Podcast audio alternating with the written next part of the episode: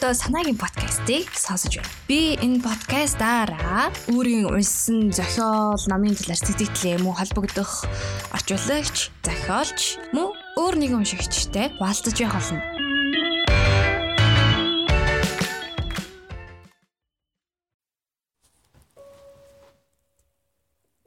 Сайн мэцэнэ үү?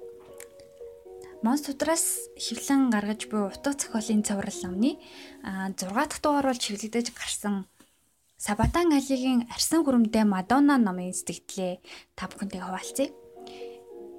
20 дугаар зууны Туркийн хамгийн агуу зохиолчдын нэг гэж үздэг Сабатан Алигийн 1940 онд урьсан зохиол болох Арсан хүрэмдээ Мадонна.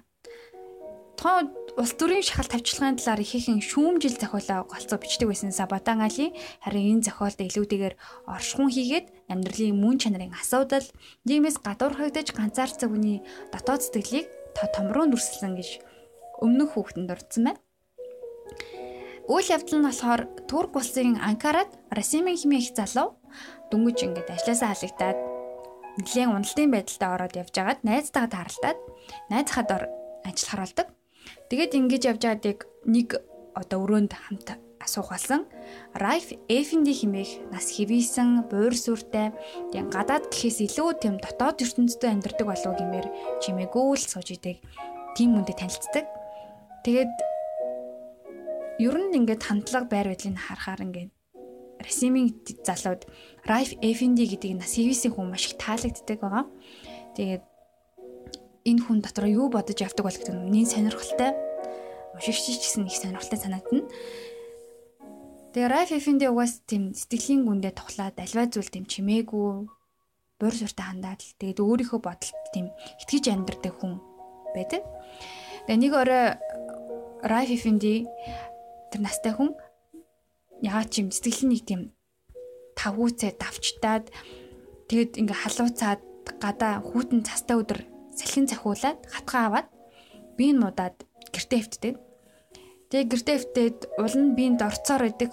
Тэгээд Расимын энэ хугацаанд болохоор IFF-ийн нэлээд дотносож орон гэрээр нь аж байдлыг харж анзаарч ихсэн байдаг. Тэгээд IFF-ийн Расиминийг ажлаас маань ингээд ширээн дээрээс ширээний одоо шургуулганаас миний хар авттай тэмдэглэлийг мань аваад ирээч гэж хүсдэг.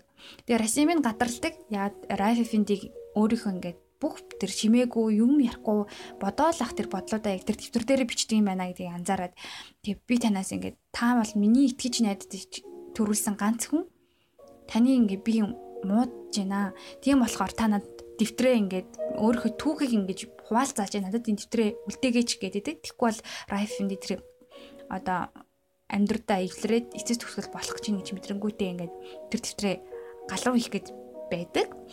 За тэгээд тэр үйл явдал ингээд эхэлнэ.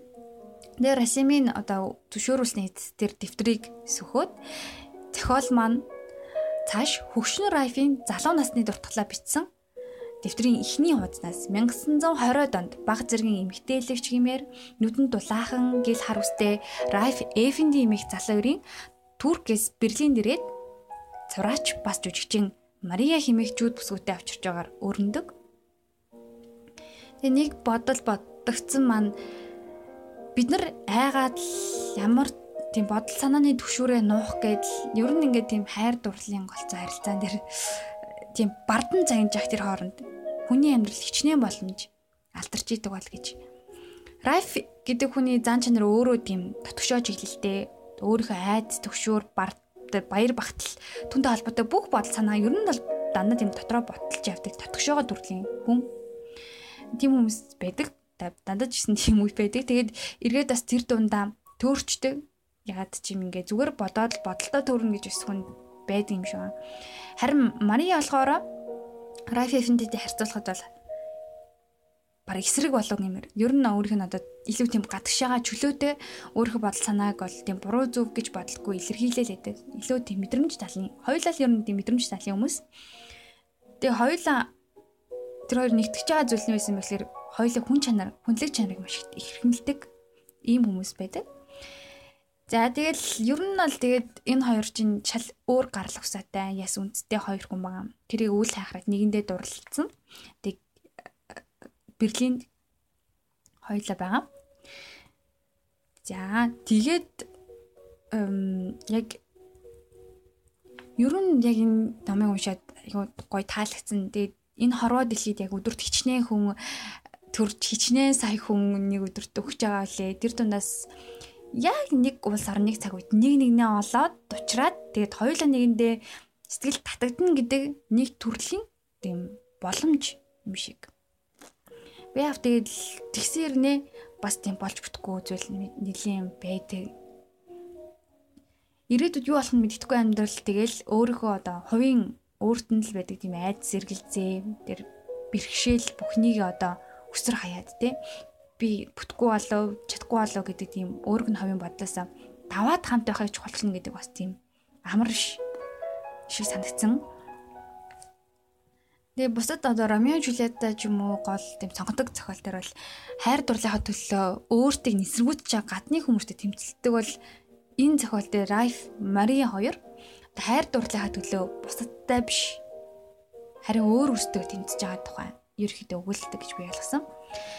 Гэхдээ ингээд аль аль нь уучрал хоёулаа ингээд тийм маш их нэг нь нэлээд их тийм айцтай ихтгэлгүй аль аль нь гэхдээ сэтгэл нь татагдаад байгаа тийм бодол болон мэдрэмжийн тийм төрчлөлтөө маш их гардаг.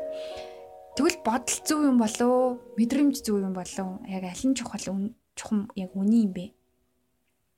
Яг энэ номыг уншиж дуусаад тэр оройн 100 байсан болохоор 6 цаг үед ингээд гээ те. Тэгээ Шангрилагийн нэг давхарт шинээр нэгц үзэсгэлэнг одоо очиж сонирхсан. Тэгэд наран цастрал тимээх одоо герман ажиллаж амьдардаг монгол эмэгтэй өөрийнхөө уран бүтээлийн үзэсгэлэнгээ нээлтэн дээрээ өөрийн нэг зураг тайл хамгийн хаатай зураг тайлбарлаж зааж ингэж хэлсэн байдаг. Энэ зурган дээр болохоор нэг охин нүдэ анцсан. Хамд нь ингээд улаан уцаар ингээд уйцсан гурван тагтаа суудсан байгаа. Улаан уцаар холбоотой. Тэг чихэн дээр нэг тийм сонин хүн энэ зургийг уран бүтээлийн шүүтэй гэж тайлбарч болохгүй байх л та. Гэтэ чихэн дээр нэг өөр хүн юм шивэнж байгаа. Энэ зургийг тэрээр өөрөө тайлбарлахтаа болохоор хүний тагтаагаар тэр амдан зовсон маа хүний тагтаагаар тэр хүний зовцсон маа тагтаагаар хүний хүсэл мөрөөдөл одоо учрах боломж ирээдүйд хүлээж байгаа боломж тэр зүйл илэрхийлсэн. Харин хүн түүнийг одоо улаан уцаар уучаад амдаа зүүцсэн маа одоо чи тэр боломж нь ирээдүйд байгаа боловч чихэнд нь шивнээд байгаа үл мэддэг хүнийхээ дуу хоолойнд ороод тэр боломжийг эдлэж чадахгүй айд саасаа бодлоод би чадахгүй байх гэдэг бодлоосоо болоод тэгээ боломжийг ашиглаж чаддгүй гэж тайлбарлажсэн. Тэгээ дүүний үндэслэнгийн нэр нь болохоор тухайд гарч ирсэн нь болохоор тийм дөрвөн үйлрэл гэдэг нэртэй байсан. Тэгээ бидний яаруу санд руу өдөр хоногоо чөлөө зааванда уцаа ширтэж тэр идэх одоо хайртай хүнээ хүмүүст сэтгэл гаргаж цаг зав зориулж чаддгүй амьдарч яхад дөрвөн улирал ээлж ээлжилж улирын улирсаар байдаг тул. Одоо үзэсгэлэндээ дөрвөн улирал гэдэг нэрийг өгсөн гэж хэлжсэн. Тэгээд нэг өгүүлбэр яг ишээ ингээ ороо авцсан баггүй ишээ гэдэг нь одоо би өрлөөгөө заагаад Монголдо читэр одоо германд читэр хайртай дотны хүмүүстэйг байхдаа ч гэсэн эсвэл заримдаа ингээл ганцаараа 6 6-д ажил дээр байж байхдаа надад яг л загас усандаа л байна да гэмээр тийм мэдрэмж төрдөг гэж хэлжсэн яг зүг байгаа яг зүг газараа байгаад байгаа юм шиг.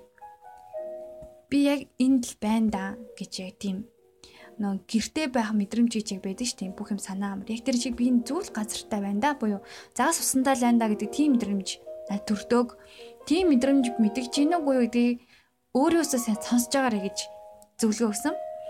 Тэгээд яг ингэ бодод байсан чинь яг ягаад арсан өрөмтэй мадануутай ойрхон бэ гэхээр нөө Мария зураач эмэгтэй Райф болохоор өөрөө багасаа зурдаг байж байгаа. Тэгээд зургийн мэрэгчлэр яваагүй хийм залуу байдаг. Тэгээд зураач хүмүүс бас тийм илүү мэдрэмжтэй онцлог байт юм болоо гэж би таамагласан. Арсан хөрөмдөө Мадонна зохиолын Райф ч зурх туртай тий. Тэгэл э, яг тэр наран цэцэрлэлт хэмээх уран бүтээлч эмэгтэй хэлдгэр өөртөө бүхий л тэр үзэл санаа бодол эргцүүлэлээс илүү тэр дотоод мэдрэмжийнхээ төлөө тэмцэлдэж явах шиг бол санагдсан. Тэгэд мэдээж тэр хоёр тэмцэлтэж тэмцэлтэй ялж чадсан уу гэдгийг номноосаа үргэлжлүүлж уншаарай. Тэгээ юу ч гэмээр эндээ амьдрал бидний хүлээхгүйгээр янз бүрийн одоо бүх зүйл цагийн урсгал бол мөнхийн хөдөлгөөн урсаал өнгөрдөг. Тэр хооронд ингээд хүлээж суугаа боломж хүсэж суугаа мөрөөдлөөч мөн одоо үүдэл хийж барьж авч чадахгүй бол урсаал өнгөрдөг юм байна л гэсэн бодол үлдсэн тийм. Тэгээд ямар ч амар спойлер өгөөгүй байх гэж найдаж байна. Тэгээд илүү хүнийг бас өөрийн гэсэн дотоод өөрлөг өнгөх хайр дурлалын харилцаа гэдэг харилцаа гэхээс энэ хайр дурлалтай тэнд хүн өөрөө яаж ханддаг вэ гэж өөрлөг илүү өнгөх бодол сэтэл төрүүлсэн гой ном байсан маш таалагдсан. Ингээд чадвал дараа дараагийнхаа номны сэтгэлүүдийг үргэлжлүүлээд ярьж явах болно.